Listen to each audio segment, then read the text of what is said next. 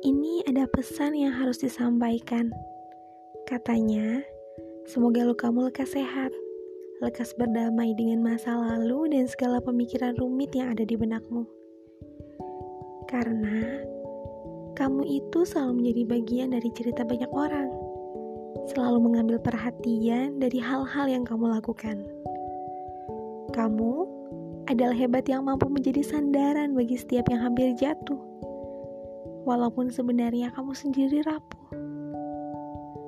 Kamu adalah berani yang mau merangkul para pemimpi, walaupun sebenarnya kamu nyaman sendiri. Kamu adalah senyum yang mendebarkan jantung bagi mereka yang tak beruntung, walaupun sebenarnya kamu sedang bingung. Kamu adalah tawa yang hangat tanpa sentuh bagi mereka yang pernah salah, walaupun sebenarnya kamu sedang mengalah. Kamu adalah suara yang menenangkan bagi mereka yang hanya bisa bungkam, walaupun sebenarnya kamu sendiri terancam. Kamu adalah mata yang mampu melihat dalamnya rasa bagi mereka yang putus asa, walaupun sebenarnya kamu sendiri tak berdaya kamu adalah beda yang mampu mendengar hal baru tanpa menyalah. Walaupun sebenarnya kamu tahu kadang itu salah.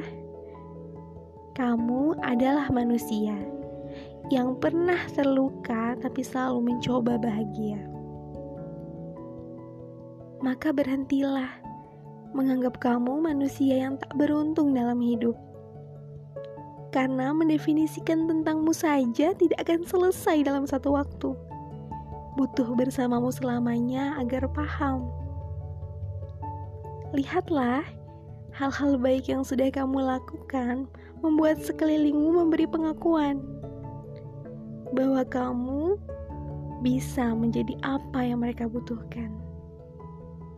Dan sekarang adalah waktunya kamu untuk melihat bahwa dirimu yang sebenarnya adalah beruntung, yang datang dari Tuhan lewat ibu